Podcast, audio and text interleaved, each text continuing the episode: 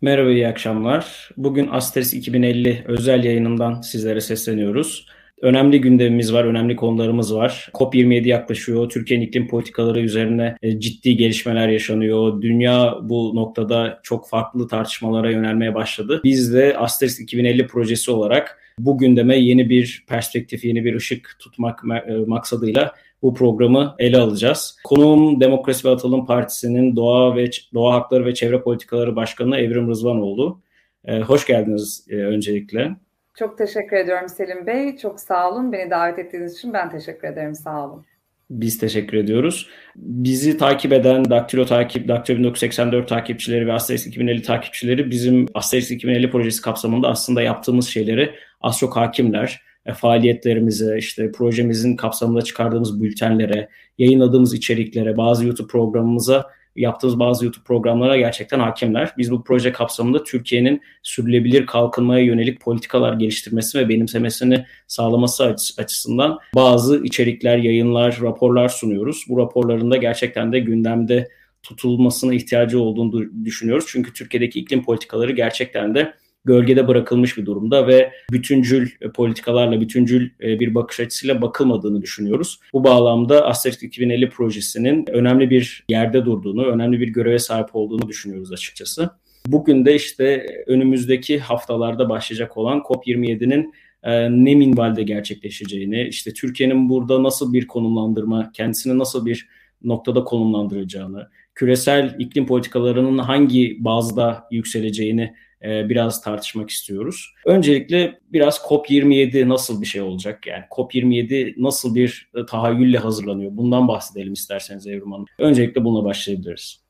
Tabii ki çok memnuniyetle. Şimdi Selim Bey tabii biliyorsunuz Taraflar Konferansı 92 senesinde e, kaleme alınan ama 94 senesinde onaylanan Birleşmiş Milletler'in iklim sözleşmesi çerçeve sözleşmenin sonucunda 95 ilk Berlin'de başlayan Taraflar Konferansı ile beraber e, COP'lar başladı. E, arada bir pandemi oldu. Onun dışında da her sene düzenli olarak yapılan konferanslar bunlar. Geçen sene Glasgow'daydı. Bu sene COP27 Şarm El Şeyh'te Mısır'da olacak.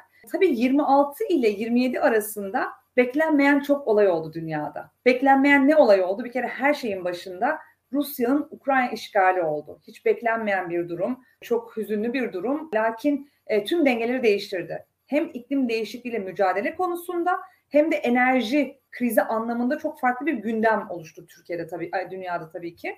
Şimdi COP27'ye girerken çok eleştiri aldı ilk önce. Acaba Mısır'da olması doğru mu diye ve birkaç farklı konudan eleştiri aldı. Bunlar tabii göreceli olaraktan eleştirilerdir. Bir şey diyemem ama birincisi neden Mısır'da Şarm El gibi bir yerde hani biraz daha hem ulaşımı zor hem e, fiyatları yüksek bir şey olduğu için, il olduğu için. Diğer taraftan başta çevre, Mısır'ın çevre bakanı Yasmin Hanım aslında bunun KOP'un başkanı olacaktı. Sonra onun iklim özel elçisi atadılar ve onun yerine e, Dışişleri Bakanı Şükrü, Şükrü'yü getirdiler.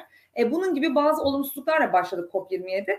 Lakin COP'lar her zaman çok kıymetli. Bir sürü de avantajları, bir sürü de artırı olan şeyler. Çünkü tüm ülkelerin bir araya geldiği ve dünyada iklim krizi bağlamında ne oluyor? Nasıl birlikte hareket edeceğiz? Neler yapacağız gibi önemli bir müzakere toplantısı aynı zamanda. O yüzden her ne kadar 26 ile 27 arasında çok olaylar olsa da 27'ye girerken çok e, fazlasıyla belli cenahlardan eleştiri alsa da çok e, kıymetli ve önemli toplantılar. Şimdi e tabii bunların yanında olumlu şeyler de var. Onları biraz sonra konuşuruz. Yani mesela ilk defa bir gençlik yani şimdi Daktilo 1984 de çok genç ve dinamik bir e, yayın kuruluşu. E, onu da özellikle söyleyelim. İlk defa mesela bu sene gençlerin ve çocukların bir e, pavyonu olacak. Yani bir pavilyonları e, resmi alanda yer alacak. Ve bu anlamda baktığımız işte başında bir iklim aktivisti e, Bayan Omrani diye bir hanımefendi ve işte Future for Fridays, işte Los and Damage Youth e, koalisyonu gibi farklı sivil toplumların da içinde olduğu bir kitleyle e, burada bir temsiliyet olacak. E, bunun gibi olumlu konular da var tabii. E, çok gündem var ama hani en önemli gündem e, ne olacak derseniz tabii ki bu işin kayıp ve hasar boyutuyla finansman boyutu bence bu sene COP'a gerçekten damgasını vuracak gibi gözüküyor bu sene. Çok önemli konular. Özellikle COP aslında herkes şey bekliyor genelde bu COP taraflar konferanslarını değerlendirirken her bir senenin sonunda bir devrim niteliğinde bir karar çıkacak ve bütün dünya iklim krizine bir anda çare bulacak diye bir beklenti içerisine giriyorlar. Fakat ben bu konuda biraz daha gerçekçi yaklaşıyorum ve e, bu taraflar konferanslarının bir devrimden ziyade bir süreç olarak işleyebileceğini düşünüyorum. O yüzden ardı ardına gelen ve sürekli yapılan, seneler süren bu süreçlerin birbirini devamı niteliğinde olduğunu düşünüyorum. O yüzden COP27'yi planlarken veyahut da COP27'ye bakış açısı oluştururken veyahut da bir tahminde bulunurken galiba COP26'yı biraz daha iyi değerlendirip de bir bakış açısına sahip olmamız gerekiyor. Çünkü COP26'da bazı çözülemeyen meseleler vardı. En büyük meseleler işte kay- kayıp ve hasar tazmin. Yani Geçen sene e, bu çok büyük eleştiri almıştı. Hatta Alok Sharma Glasgow'un Glasgow'dan sorumlu lideri, başkanı açıklamasında kırılgan bir Glasgow e, iklim paktı oluşturduklarından bahsetmişlerdi. Yani çok önemli kararlar alındı. Yani mesela artık kömür gerçekten de meşruiyeti çok ciddi olarak sorgulanan bir yakıta dönüştü, bir e, enerji kaynağına dönüştü. Doğal gaz bile artık yavaş yavaş tartışılmaya başlandı. Yani bazı önemli kararlar alındı ama sizin de dediğiniz gibi işte kayıp hasar gibi işte finansman konusunda işte 100 milyar dolarlık bir fon, bir finansman gelişmiş ülkeler tarafından ta- taahhüt edilmişti 2009 senesinde. Fakat hala bunun ciddiye dökülmesi, ciddi adımların atılması konusunda ciddi sorunlar var. Ee, bunun e, tartışılmasını bekliyoruz. Özellikle bunun e, Afrika kıtasında böyle bir kopun düzenlenmesi sizce de önemli değil mi? Çünkü Afrika bölgesinin işte tarım, kuraklık, işte doğal afetlerin daha sık olarak görülebileceği ve iklim kırılganlığı çok daha yüksek olan bölgeler, gıda güvenliğinin çok sıkıntılı yaşadığı bölgeler. COP27'nin bu bölgede yaşanması sizce dünyanın bakış açısını da değiştirebilecek midir?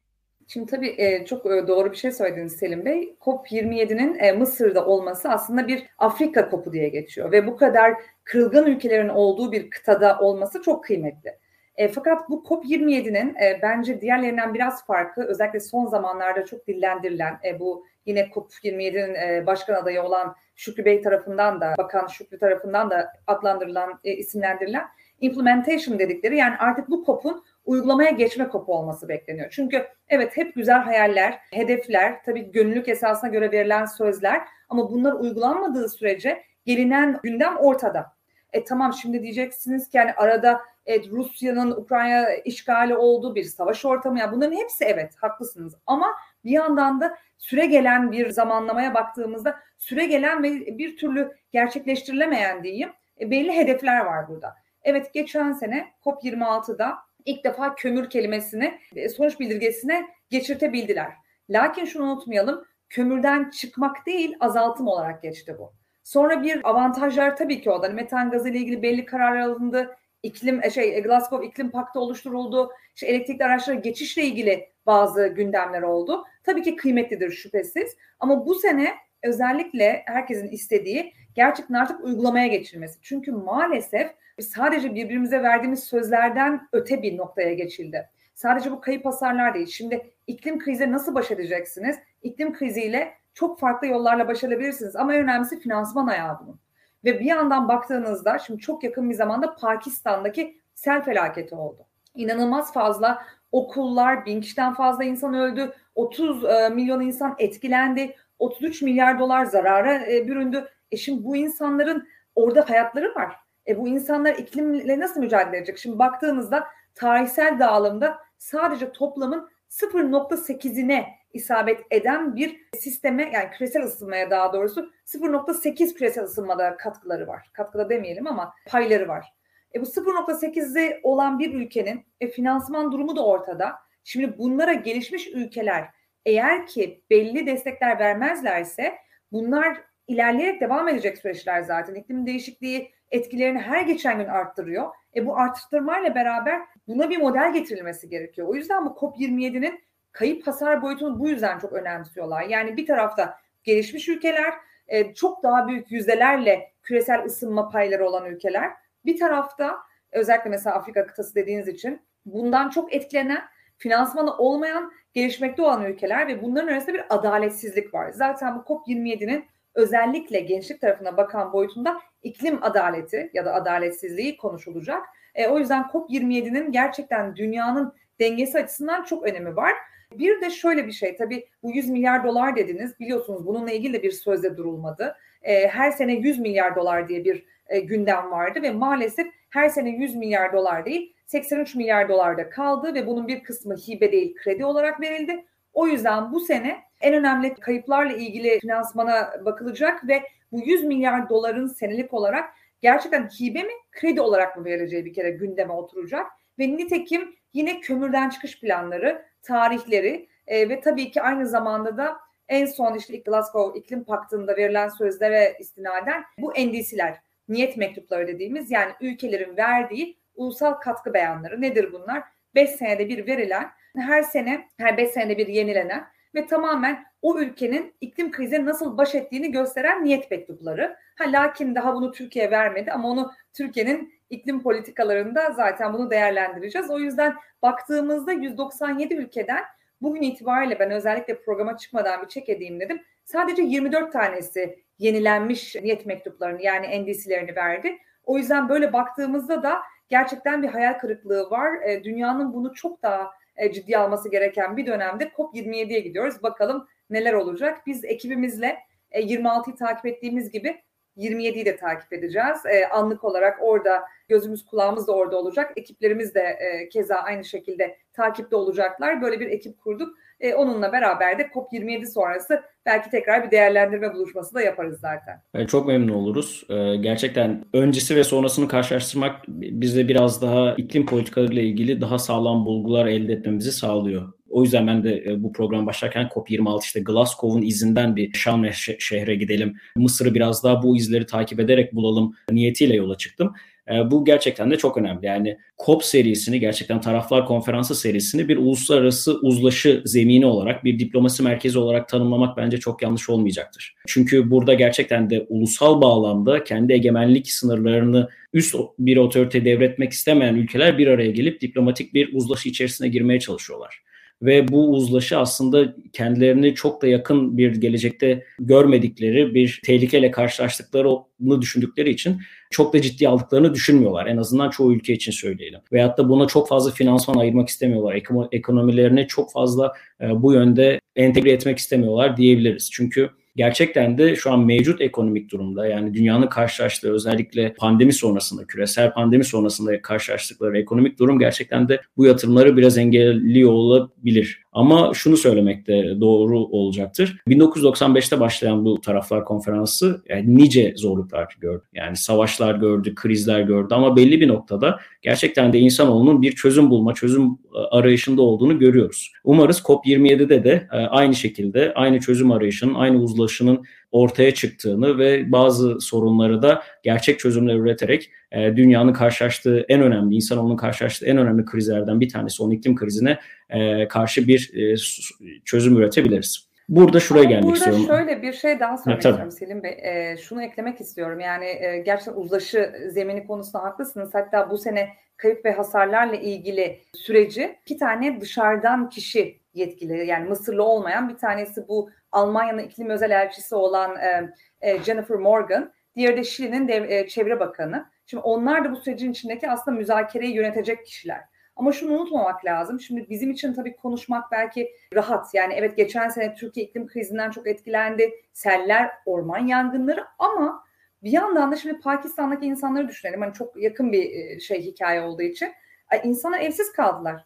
Yani gidiyorsunuz Bangladeş'e işte geçen bununla ilgili bir haber okudum. Ee, orada bir aile mesela daha böyle anlayabilmek için beş nesildir oradaki kendi manastırları var ve onu bekleyen bekçi aile. E bu manastırları da kendi evleri de hepsi selin yani suyun altında kalmış. Şimdi bu insanın hayatları değişiyor. Yani bu sadece bir grup insanın gidip bir seminerde, bir konferansta çözeceği bir şey mi? Evet bir yandan öyle ama bir yandan da bu işler çözülürken işin e, gerçekten duygusal tarafında, insani tarafında insanların hayatlarının ne kadar değiştiğini de anlamamız lazım. Geçen sene bu süreçte Kastamonu'ya bu olaylar olduğunda ben hemen gitmiştim.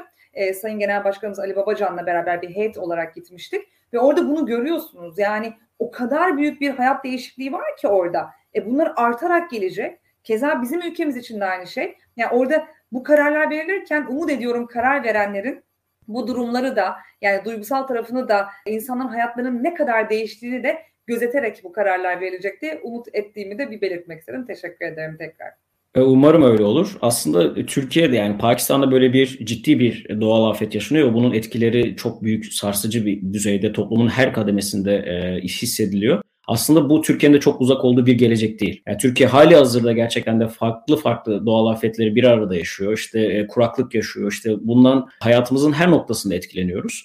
Ama çok ciddi bir sorunumuz aslında bundan kopuk, iklimden kopuk olarak gördüğümüz Türkiye'nin çok ciddi bir sorunu var göç. Yani Türkiye aslında işte Suriye krizinin e, en önemli sebeplerinden bir tanesi siyasal istikrarsızlık, savaş olarak adlandırılıyor. Ama son yıllarda çıkan bazı çalışmalar var. Aslında Suriye krizinin en önemli sebeplerinden bir tanesi ve göçün en önemli sebeplerinden bir tanesi de iklim göçü olduğu tartışılıyor. Çünkü belli bir kuraklık başlamıştı ve insanlar gerçekten de Suriye'de kendi tarımsal faaliyetlerini gerçekleştiremediği için göç etmeye başladığı söyleniyor. Yani Türkiye'nin şu an sokağa çıksanız sokakta e, her iki kişiden biri, üç kişiden biri muhtemelen çevrenize Türkiye'nin en ciddi sorunlarından bir tanesini göç olarak tanımlayacak. Ve bunun sebeplerinden bir tanesi de iklim. İklim krizi. Biz bunun farkında değiliz. Yani dünya böyle bir sorunla e, mücadele ediyor. Türkiye hala bence bu farkındalığa çok net bir şekilde erişmiş değil. Ama sahip olduğu en büyük sorunların bir tanesinde iklim var. Yani bu bunu da göz ardı etmememiz gerekiyor. Bilmiyorum bu konu hakkında ne düşünürsünüz? Şöyle çok haklısınız. Türkiye'nin şöyle bir dezavantajı var. Yani Türkiye bir İsviçre gibi nispeten iklim krizinden son etkilenecek ülkelerden bir tanesi değil e, iklim krizinden tüm bu süreçten en çok etkilenecek ilk 10 ülke arasında. Şimdi böyle bir dezavantajı var ülkemizin maalesef. Bu dezavantaja baktığımızda bir de veriler var. Dünya Bankası'nın en son yayınladığı raporlardan bir tanesinde 2050 senesine kadar 200 milyon insan gerek yani kendi memleketinin içinde gerekse yurt dışında yani başka bir ülke göç etmek zorunda kalacak. Şimdi insanları suçlayamazsınız ki. İşte Somali'de önümüzdeki haftalarda belli bölgelerde kıtlık ilan edileceği söyleniyor. Şimdi insanların en önemli hayata bağlanması nedir? Yemesi, içmesi ve su erişimi. Şimdi bunların olmadığı bir yerde insanların yaşamasını beklemek zaten mümkün değil. Şimdi böyle baktığımızda e, bu iklim göçleri tüm dünyanın sorunu. Yani Türkiye evet tabii çok etkileneceklerden bir tanesi ama genel olarak böyle bir durum söz konusu. O yüzden hep e, işte herkesin tabii yani özellikle bu konuyla ilgili olan akademisyenlerin, sivil toplumun en çok söylediği şey bu işi her an hemen şu gün çözmemiz gerekiyor. Çünkü bugün adım atmak demek bugün çözmek anlamına gelmiyor bu işte. Bugün adım atmak demek en az 20 30 40 sene sonrasından bahsediyoruz demek. O yüzden bu adımların atılması lazım ki dünya üzerindeki bu dengesizlikler oluşmadan bizler birer çözüm bulalım. Türkiye'de maalesef bu süreçte çok etkilenecek ülkelerden bir tanesi. Ya bu tabii ki e, her anlamda yani şimdi tarım anlamında Türkiye iyi bir tarım ülkesi. Bir yandan bir gıda krizi var. E şimdi bizim ülkemizde e, baktığınızda çok ağır seller, fırtınalar, yağmurlar, kuraklıklar en başta tarımı etkiliyor zaten. Şimdi tarımı etkiledikten sonra siz kendi toplumunuzu e, gıdasını sağlayamama riskiyle karşı karşıyasınız. Ama bir yandan da e, tabii ki şöyle baktığımızda da hani belki buradan da biraz Türkiye'de giriş olacak ama şöyle baktığımızda da e, bir sürü tarım alanının üzerine yapılan yanlış e, enerji yatırımlarıyla tabii ki enerji yatırımları çok kıymetli ama yanlış enerji yatırımlarıyla da oradaki tarım arazisini mahvediyorsunuz. İki tane çok basit örnek vereyim. Bir tanesi Aydın'daki jeotermaller. Geçen sene Aydın İl Başkanımız Meltem Güller Hanım'la gittik gördük. E, tabii ki çok önemli jeotermal, temiz enerji. Orada olmalı ama tam orada olmamalı. Çünkü orası bir tarım arazisi. Orada endemik bitkilerde dünyada eşi benzeri bulunmayan bir sarı lop incirinin bulunduğu yer. Zeytinlikler var ve maalesef e, bütün içleri kurtlanıyor. Şimdi Dönüyorsunuz diğer tarafta Denizli'ye gittik geçenlerde. Avdan diye bir yer. Tarım arazisi. Sırf orada yakındaki bir maden ocağına kömür sağlanabilsin diye bir gecede oradaki köylülerimizin arazileri kamulaştırılıyor ve bu kamulaştırılma sonucunda kömür çıkartılmaya başlanıyor. Tam da tarım arazisinin ortasından. Yani böyle baktığımızda şu anki politikalarımız da bizi maalesef etkilenecek ülkelerden bir tanesi olmaya ek olarak da bir de maalesef yapılan yanlış politikalar sonucunda e, etkilerin boyutlarını arttırıyoruz. Hemen Türkiye'nin yerel iklim politikalarına geçmeden önce şuradan e, bağlamak istiyorum. Geçen sene COP26'ya çok önemli olmayan bir sebeple lider seviyesinde temsil edilmedik sebep de yanlış hatırlamıyorsam bir araba kriziydi veyahut da bir e, güvenlik diplomasisi sorunu yaşan. Güvenlik diplomasisinden kastım uluslararası Türkiye'nin milli güvenliği falan değil. Türkiye'de Cumhurbaşkanı Erdoğan'ın belli sayıda araba talep etmesi ve bu arabalarından ziyade işte çok daha düşük bir konvoyla trafiğini sağlaması gibi bir sorun yaşandığını ve Türkiye'nin işte Biden'ın katıldığı, Xi Jinping'in katıldığı, uluslararası seviyede çok önemli bir diplomasinin olduğu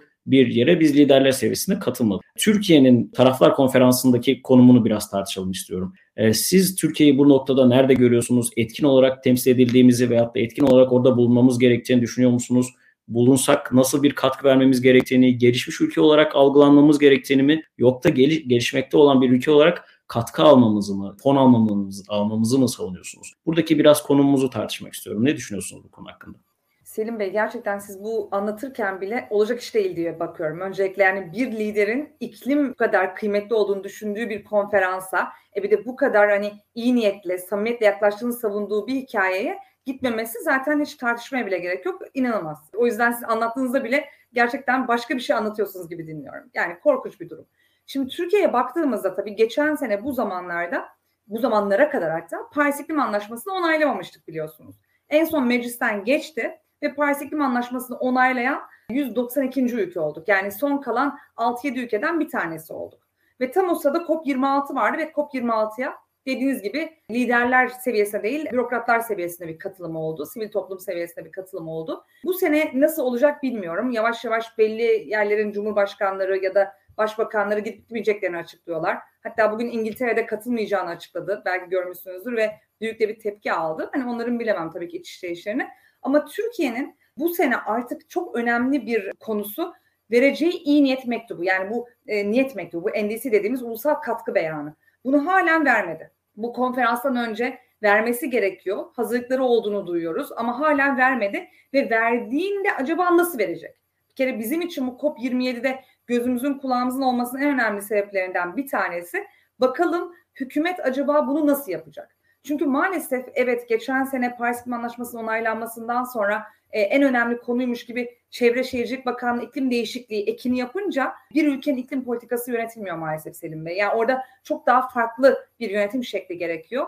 Diğer taraftan bakıyorsunuz 2053 net sıfır hedefi koydular. E, 2053 net sıfır hedefine giderken hiçbir yol haritası, hiçbir ara termin ne yapılacağından hiç bilgi vermediler. Halen de yok böyle bilgimiz. Arada bir iklim şurası oldu Konya'da. İklim şurasındaki emisyon azaltım seminerine sivil toplumu çağırmadılar. Bunu ek olarak sonuç bildirgesinde kömürün keyesi bile geçmedi. Şimdi böyle baktığımızda zaten samimiyetsiz bir ortamda olduğumuz kesin. E şimdi bakıyorsunuz bunların hiçbir tanesi olmuyor. Bir yandan da bu bahsettiğimiz gibi şeffaflıktan uzak bir hükümet şu an işin başında. Acaba nerede olduğumuzu hiçbir şekilde kamuoyuyla paylaşmadıkları için ne yaptıklarını zaten bilmiyoruz. E diğer taraftan bakıyoruz işte konuştuğumuz gibi ekoloji e, ekolojik kırımlar var. Dünyanın, e, şey, Türkiye'nin her tarafında yükselen sesler var. E, böyle baktığımızda şimdi COP27'ye gidilecek evet ama son bir senede Türkiye'nin karnesinde iyi bir şey yok ki. Yani gideceğiz ama ne anlatacağız orada? Hadi inşallah diyoruz bu ulusal katkı beyanı iyi verilir ama açıkçası böyle bir karneden sonra bu sene COP27'ye gidildiğinde ya da sonrasında en azından bu zamanda verilmesi gerekiyor. Ee, umut ediyoruz iyi bir katkı beyanı verilecek ama biz inanmıyoruz. Çünkü daha iklim kanunu çıkartamayan bir hükümetten bahsediyoruz. Şimdi durum böyle olduğunda Türkiye'nin gerçekten iklim politikası var mı? Ben hükümete sormak istiyorum. İklim politikasından anladıkları iklim değişikliği bakanlığı kelimesinin bakanlığa eklenmesi mi? Yani ben bunu buradan hakikaten yönetenlere sormak istiyorum. O yüzden e, COP27'de bunu göreceğiz ama doğrusu bu konuda e, mesela biz Deva Partisi olarak kendi hedefimizi koyduk. 2050 senesinde net sıfır olacağız diye. Ve bizim her konuda yaptığımız eylem planlarımız var Selim Bey. E, çevre ve iklim değişikliği eylem planımız da bugüne kadar açıkladığımız 15 tane eylem planından bir tanesi. Bu ay sonuna kadar toplam 22 olacağız zaten. İşte önümüzdeki hafta bir tane var ve e, ay sonuna kadar 22 bitirdiğimizde Türkiye'nin tüm sorunlarını 360 derece çerçevelemiş olacağız. Şimdi böyle baktığınızda biz bir bakanlık değil bizimkisi ama o evrak 200 tane akademisyen ve sivil toplum örgütünün ve bizim çalışma arkadaşlarımızın etkisiyle yazılmış bir metin ve oradaki her bir maddenin 65 madde var. Her bir maddenin bütçesine kadar hazır. Şimdi bunu biz bir muhalefet partisi olarak bu konuyu ciddiye almış bir parti olarak ki bu arada yakın siyasi tarihte yapmış herhangi bir parti de yok ama bunu ciddiyetle ele aldıktan sonra net sıfır hedefimizi koyduk 2050. Biz bu eylem planımızı, çevre ve iklim değişikliği eylem planımızı Bolu'da bir öğrenci kampında açıkladık. Ve bize o gün tüm gazeteciler dediler ki oraya gelen iklim gazetecileri siz kömürden çıkış tarihinizi vermediniz nasıl bu hedefi koydunuz? Dedik ki Biz Deva Partisi olarak bu hedefi koyduk. Yakın zamanda biz enerji eylem planımızı açıklayacağız. Enerji eylem planımıza kadar biz çalışacağız. Tabii ki zaten 2050'de çıkmak için, 2050'de net sıfır olmak için, kömürden çıkmak için bir tarihe ihtiyacımız var.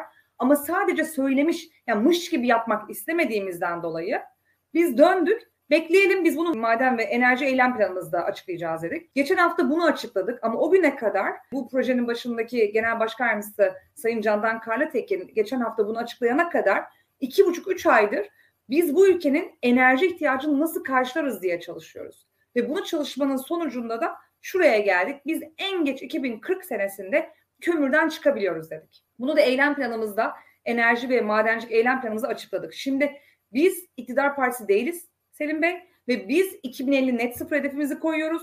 Bu hedefe giden ara terminlerimizi koyuyoruz ve Türkiye'de kömürden çıkma hedefini veren ilk ve tek partiyiz. Yani bir şeyleri söylemek ama e, evet ama yani bunu e, kitabına uygun bir şekilde çalışarak söyleyen ilk partiyiz diyeyim. Daha adil olsun. O yüzden şimdi baktığımızda COP27'ye giden bir hükümeti var. Evet orada temsiliyet yapacaktır belli bir e, seviyede. Ama daha kömürden çıkmayı akıllarına bile gelmeyen, iklim şurasında bundan bahsetmeyen bir hükümet gerçekten bizim isteyeceğimiz kadar, bizleri tatmin edecek kadar dünyanın ihtiyacı olduğu kadar doğru bir niyet katkı beyanı verebilecek mi, niyet mektubu verebilecek mi? Açıkçası benim ciddi şüphelerim var bu konuda.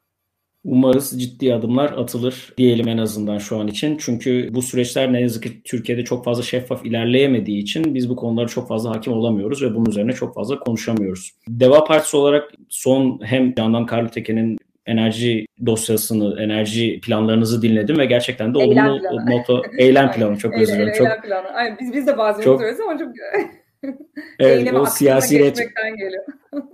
evet, e, o siyasi retoriğe çok hakim değilim kusura bakmayın. E, ama e, şu gerçekten de parti içerisinde sağladığınız bu bütüncü yaklaşım gerçekten de çok önemli. Çünkü siz de biliyorsunuz ki dünya artık iklim krizini tek bir zeminde tartışmıyor. Sadece ekolojik bir kırılma yaşanıyor ve işte dünya bunun sancılarını çekilecek diye bir şey yaşanmıyor. Artık dünyada bakış açısı, algılayış yani iklim politikalarına yaklaşım farklı zeminleri bir arada tartış, tartış farklı zeminlerde tartışmayı veyahut da bunları hem zemine getirmeyi çok kendisine alışık hale getirdi. Yani ekonomi ve iklim, enerji ve iklim, işte sosyoloji ve iklim. Yani iklim artık hem zeminde tartışılan bir noktaya geldi. Veyahut da iklimden beri iklimin olmadığı herhangi bir e, politik argüman, politik tahayyül geliştirilemiyor. Yani bunun izlerini görüyoruz. Nerede görüyoruz? İşte en son Biden işte geçtiğimiz aylarda açıkladı enflasyon düşürme yasası. Enflasyon düşürme yasasının en büyük maddelerinden bir tanesi, en büyük üzerine inşa edilen konulardan bir tanesi iklim gerçeği. İklim krizinin olduğu nokta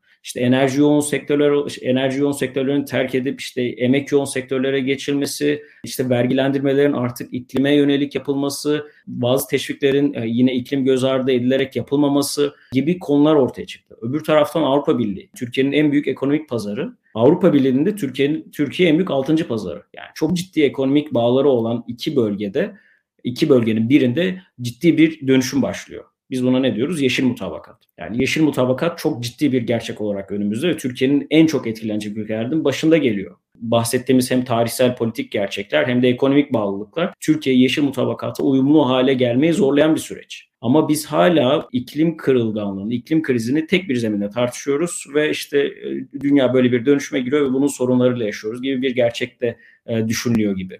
Ama hem Amerika'da hem de yanı başımızdaki Avrupa Birliği'nde yeşil mutabakat gibi bir gerçekle yaşamak zorundayız. Siz bu süreçleri Türkiye'nin Avrupa Birliği ile olan bu yeşil mutabakat ilişkisini hem de ABD'nin öncülüğünü çektiği e, yeni bir dünya vizyonunu, küresel vizyonunu Türkiye'nin nasıl ayak uydurabileceğini düşünüyorsunuz? Nasıl bir taahhüdünüz var?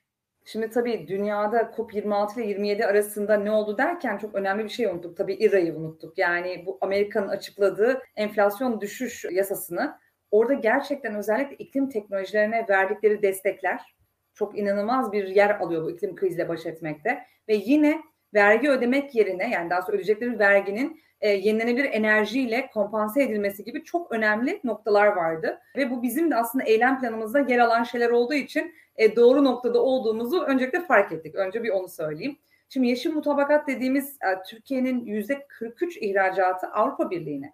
Yani yeşil mutabakatı zaten görmezden gelmesi bir e, yöneten kısımda olduğunuzda imkansız diye düşünüyorum. Lakin şu anda gördüğümüz kadarıyla aldığımız şimdi bunda da aldığımız bilgiler diye söyleyeceğim. Çünkü şeffaflık olmadığı için gerçekten bazı şeyler duyum üzerine gidiyor. Yani sanayicilerle konuşuyorsunuz. İşte size ne kadar destek veriyorlar, ne yapıyorlar gibi böyle bir e, gerçekten bilgi alma yarışı gibi bir e, sistemin içindeyiz. Deva Partisi zaten e, bunu sizinle yaptığımız bu yazılı mülakatta da aynı şekilde konuşmuştuk. Yeşil Mutabakat bizim Deva Partisi'nin çok öncelikli konularından bir tanesi. Çünkü biz çevre ve iklim değişikliği eylem planını da hazırlarken hep şunu söyledik. Çevre bütün birimleri bir kere yatayda kesiyor.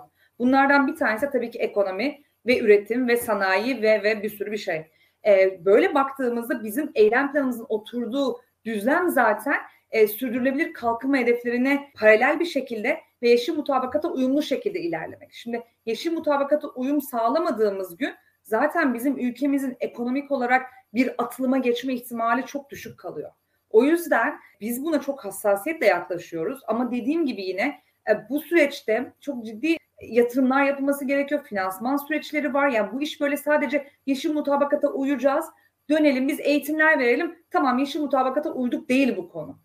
Bu konunun birçok farklı şeyi var, e, ayağı var. Yani bunun sınırlı karbon vergisinden, ETS sistemlerinden her şeyin içinde olunması gereken bir süreç. Ve bizim zaten Deva Partisi olarak eylem planımız ve aynı zamanda parti programımız Avrupa Birliği'ne uyum yasası içinde geçiyor. Yani Avrupa Birliği'ne uyum fikri içinde geçtiği için zaten Yeşil Mutabakat çok kıymetli bizim e, Deva Partisi'nin yaklaşımında. Şimdi tabii şöyle baktığımızda bundan sonraki süreçte e, Türkiye'yi bir süreç bekliyor ama dünyayı da bekliyor belki bu süreç diyeceksiniz ama Türkiye'yi beklediği kesin. E, burada doğru yatırımları yapmak e, hükümetin de yani yönetenin olduğu kesimde de doğru teşvikleri ve doğru uygulamaları uygulatmak. Şimdi baktığımızda biz Deva Partisi olarak her zaman şunu söylüyoruz. Gerek bizim çevre ve iklim değişikliği eylem planında, gerekse yenilenebilir e, yani pardon enerji eylem planımızda yenilenebilir enerjiye verdiğimiz önemi her seferinde e, bunu kağıda döktük. Çünkü bugün iklim kriziyle baş etmenin en en en kıymetli kısmı fosil yakıtlarla mücadele etmek. Yani biz bunda ne yapacağımızı bütün hikayenin başına koyduk ve biz diyoruz ki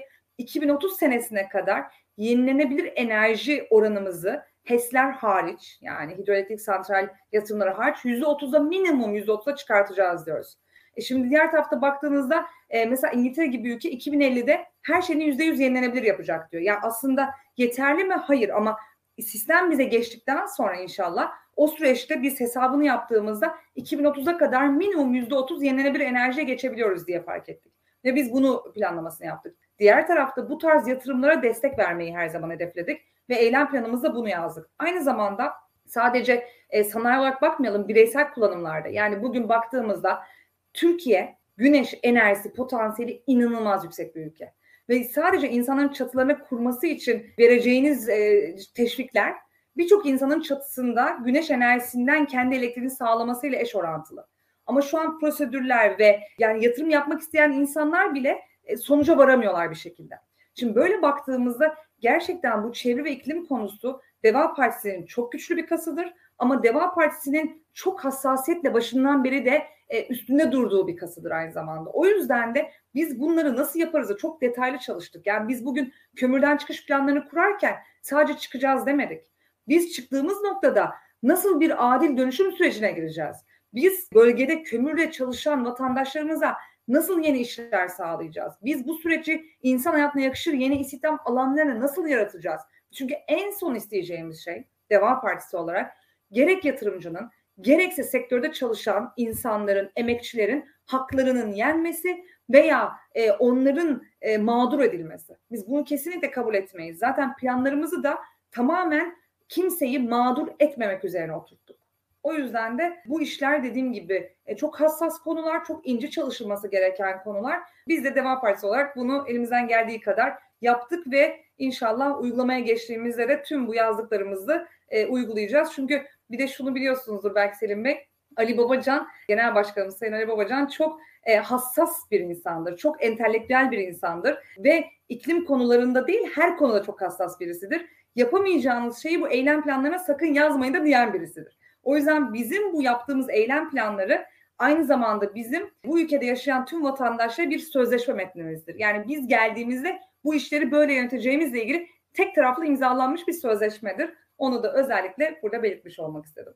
Çok önemli şeyler söylüyorsunuz gerçekten. Türkiye'nin bu tarz bir geçişi en az hasarla ve işte bazen de çoğu noktada gerçekçi olup altına kalkması gereken sorunlar olduğunu biliyoruz yani. Çünkü dünya böyle bir geçişin arifesinde. Yani Türkiye'de böyle iklim kriziyle, iklim krizinden doğrudan etkilenecek ülkelerden biri olarak bu krize en iyi ayak uydurması gereken ülkelerden bir tanesi. Bu söylediklerinizden benim aklımda şu kalıyor bunları uygulama kapasitesi, devlet kapasitesi, yeterliliği, altyapısı sizce Türkiye'de mevcut mu? Yani Deva Partisi olarak muhtemel iktidarınızda, iktidara geldiğinizde bunlarla mücadele edebilecek devlet altyapısını ve kapasitesini görebiliyor musunuz şu an için? Şimdi Selim Bey maalesef geldiğimiz günde liyakat dediğimiz kelime aslında ne kadar e, hayatımızda önemli bir yer edindiğini fark ettik. Yani bir işi işin bilenine, işin ehline vermediğinizde şu anda bugün biz iklim çevre konuşuyoruz ama dönün tüm konularda Türkiye'de bir liyakatsızlığın getirdiği yönetilememezlik e, sorunu var. Yönetememe sorunu var. Bu yüzden de baktığımızda e, tüm kadroların liyakatlı, işin ehli insanlar tarafından olması lazım. Bir. İkincisi bilenlerle istişare etmek lazım. Mesela şu anki sistemde işte geçen sene orman yangınları oldu. Hep beraber televizyonlarda izledik. Her kafadan bir ses çıktı.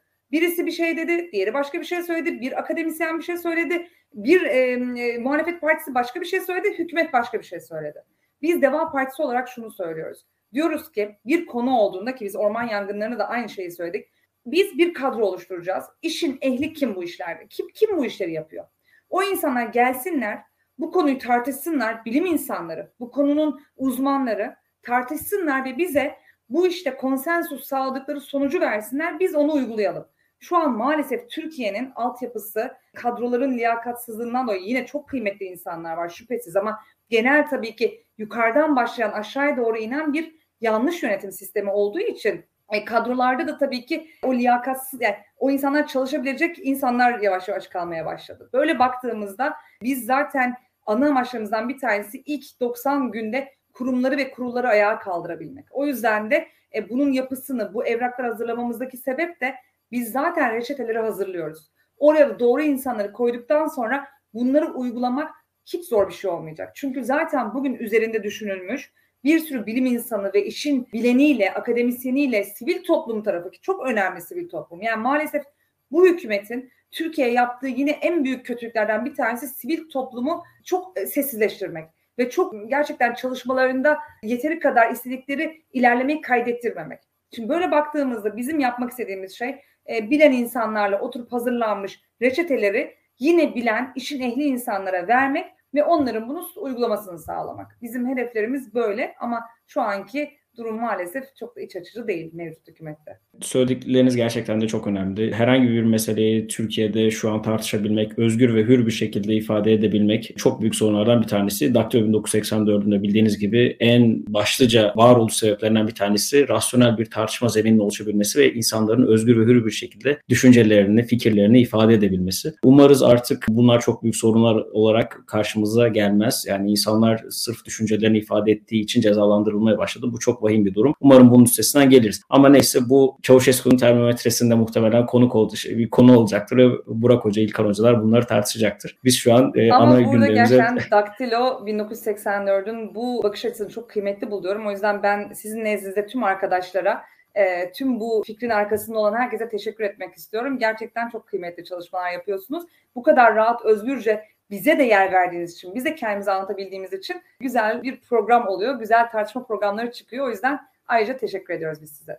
Çok teşekkür ediyorum. Gerçekten de sizi ağırlamak bizim için de büyük bir keyif. Bir taraftan madem düşünce özgürlüğüne, fikir özgürlüğüne bu kadar önem verdiğimizi söyledik. Hemen bir soru gelmiş. Onu size yönetmek isteyeyim. Biraz da interaktif bir noktaya getirebiliriz e, böylece tartışmamızı. Ee, sanırım Çağlı Yeşimoğlu sormuş. Bugüne kadar ciddi çevre kirliliği yaratan sanayilere denetim ve geçmişe dönük cezalar verilecek mi planınızda diye bir soru ortaya çıkmış. Ki bunu e, işte COP tartışırken bunu da dile getirmiştik.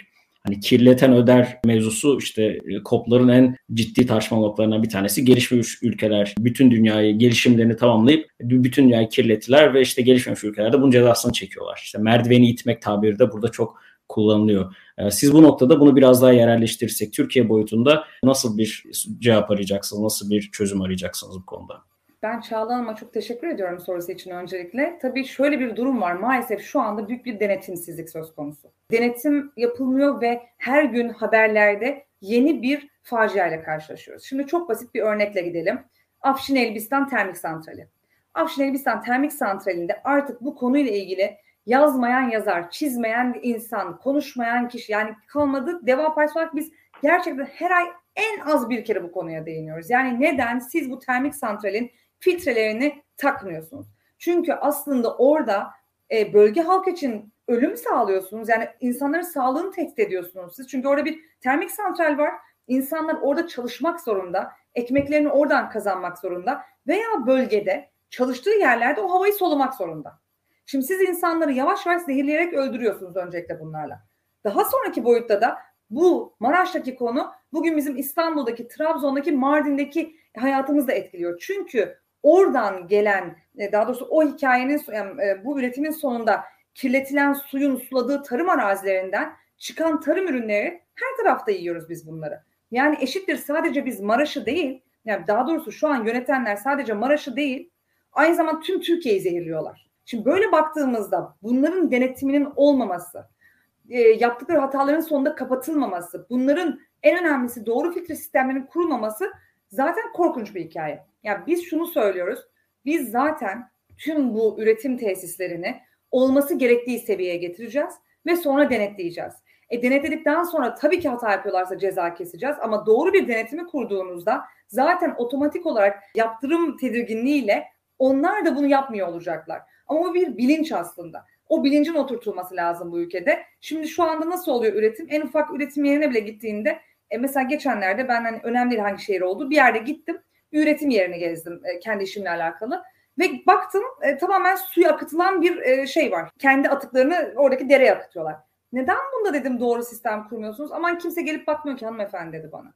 Şimdi tabii ben oradan deva kimliğimle gitmedim. Yani iş hayatı kimliğimle gittim ve gerçekten dedim ki yani bunu en büyük de yapıyor, en küçük de yapıyor. Ama bunu yapan en büyük, en küçük değil. Bunu sorunlu olan boyutu hükümetin denetlememesi. Biz iktidarımızda, deva iktidarında bu denetimi sağlayacağız. Çünkü bizim ana amacımız ki bu eylem planımızda da özellikle sloganımız yaşanabilir bir Türkiye'ydi.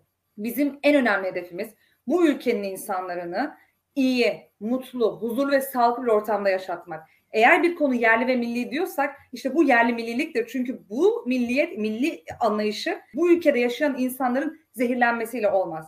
Bu ülkede yaşayan insanların sağlığının korunmasıyla olur. Sağlığının kollanmasıyla onlara doğru iş imkanlarında insan hayatına yakışır şekilde yaşatmasıyla olur. O yüzden e, çok kıymetli bir soru ama çok da önemli ve önümüzdeki dönemde bizim çok da önem vereceğimiz bir konu. Ben tekrar teşekkür ediyorum Çağla Hanım'a.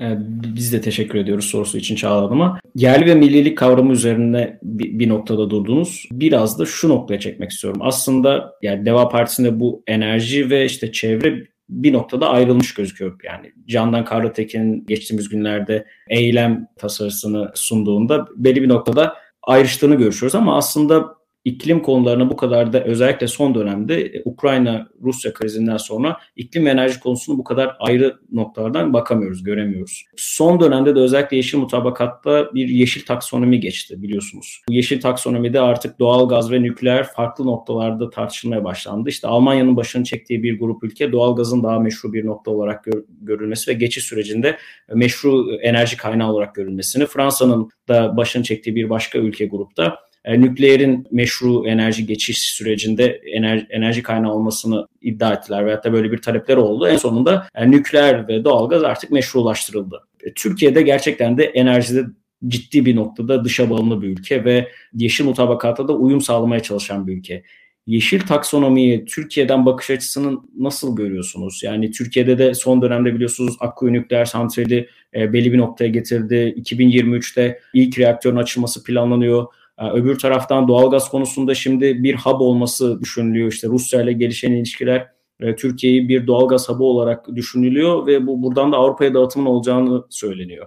Hem iklim politikaları açısından hem de Türkiye'nin enerji e, politikaları açısından bu konuyu nasıl değerlendiriyorsunuz? Öncelikle Selim Bey bizim bu eylem planlarında Candan Bey'in açıkladığıyla mesela çevre ya da şehircilik ya da yerel yönetimler ya da ekonomi şöyle bir güzellik var her birimizde aynı e, şeyler var. Aynı maddeler olabiliyor. Yani mesela benim 65 maddemin 6'sı 7'si aynı zamanda enerji eylem planında. Yani o yüzden birbirine çok konsolide eylem planları bunlar. Öncelikle bir onu söylemek istedim.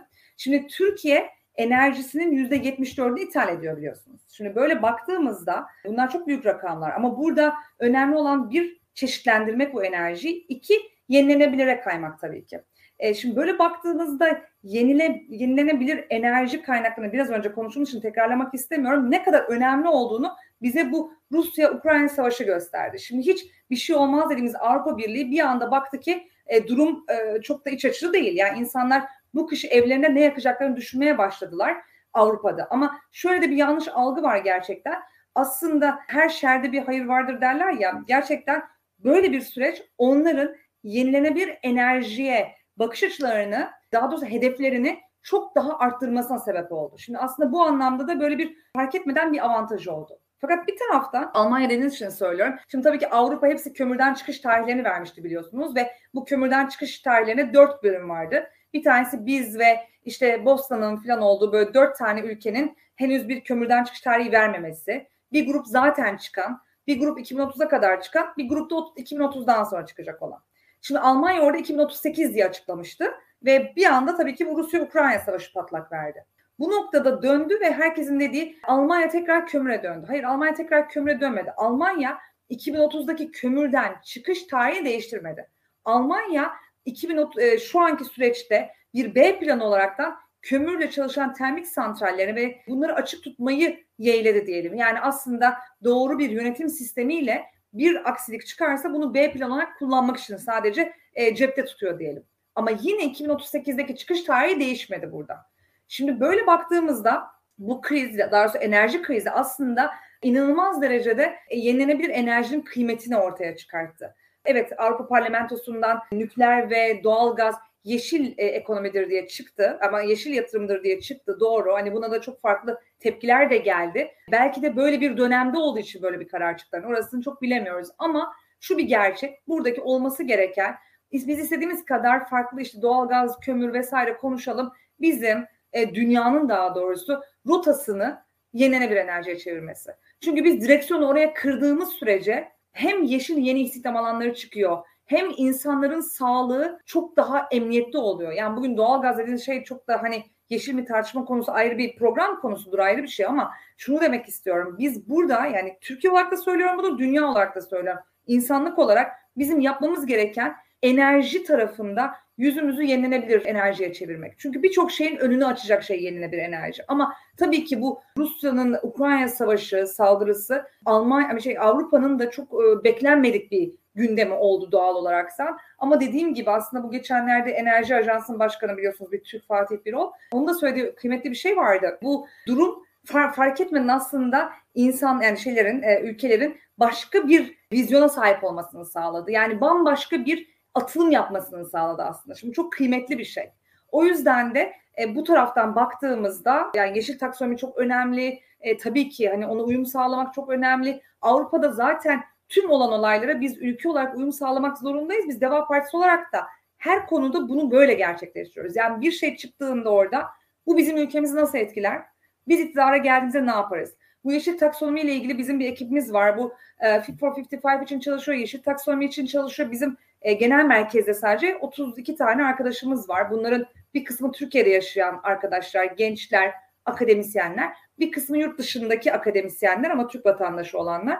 Biz her hafta buluşuruz perşembe günleri ve hepsinin farklı kurulları var ve bu kurullarda bunları değerlendiriyoruz. Bizim ülkemizi nasıl etkileyecek? Biz iktidara geldiğimizde bunu nasıl yapmalıyız diye. Bu nedenle baktığımızda gerçekten şunu iddia ediyorum bizim kadar detaylı çalışan çevre politikasını şu an hükümet bile var mıdır ben çok emin değilim. Ama çok önemli bir nokta olduğunu düşünüyorum. Bizim enerjilerimizi yani enerji ihtiyacımızı çeşitlendirmemiz lazım. Halen bu ülkenin yüzde otuzu maalesef enerjisinin kömürden geliyor. Çok yüksek bir oran bu ve dünyada artık bahsediyoruz işte COP'la başladık aslında sürece. Kömürden çıkma inşallah diyoruz bu sene COP27'de azaltım değil ama sonlandırma olarak çıkar gibi hayaller kurarken bir yandan da işte tabii ki bizim de tabii ki dediğim gibi kömürden bir günde çıkılmayacak işte onda tarihleri zamanları var ama hızlı bir şekilde yüzümüzü daha yeni yenilenebilir enerji kaynaklarına aktarmamız gerekiyor ve bu ülke potansiyeli çok yüksek bir ülke. Yani bu kadar yüksek potansiyeli olmayan bir ülke, yani mesela Meksika'da bile şu anda yüzde 40 yenilenebilir enerji kullanılıyor. Japonya'da yüzde 69. Şimdi bunlar büyük rakamlar. O yüzden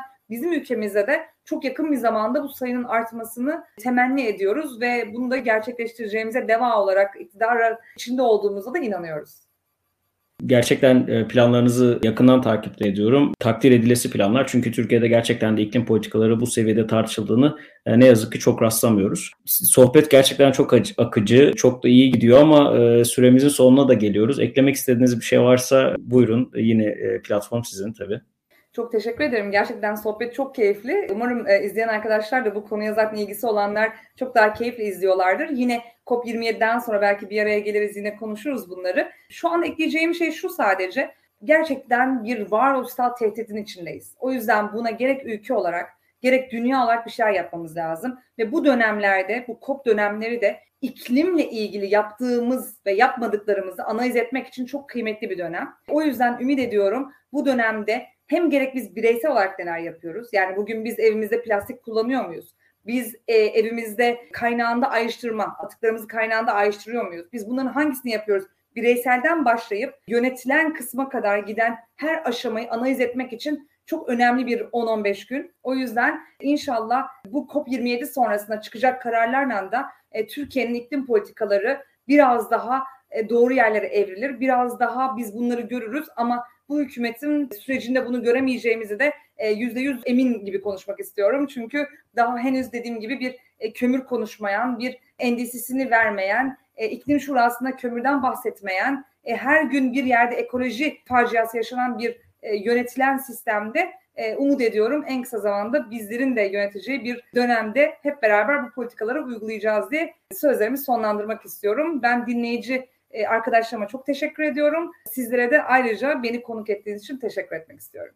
Biz teşekkür ediyoruz. Ee, siz de dediğiniz gibi gerçekten de sadece taraflar konferansları, COP'lar, COP 26-27 bunların olduğu dönemlerde iklim politikalarının konuşulmaması gerekiyor. Biz de Asteris 2050 projesinde bunu bütün bir yıla yayıyor. İşte her ay düzenli bültenler hazırlıyoruz. İklim politikaları yönelik sürdürülebilir kalkınma yönelik politika önerilerinde bulunuyoruz. Bunları biz belli bir ayda, belli bir noktada her her yılın Kasım aylarında odaklanmıyoruz. Bütün bir yıla yayıyoruz bütün bizi takip takip edenleri de Astres 2050'yi ve Daktilo 1984 kanallarını takip etmelerini, buradaki içerikleri ciddiyetle takip etmelerini ve belki hayatlarının belli bir noktasını angaje etmelerini en azından tavsiye ediyorum. Ee, çok teşekkür ediyorum Evrim Hanım tekrardan. Herkese çok teşekkür ediyorum. Bu da benim ilk moderatör olarak yayınla moderatör olarak bulunduğum bir yayındı. Sürçülisan ettiysem affola. Gelecek yayınlarda görüşmek üzere diyorum.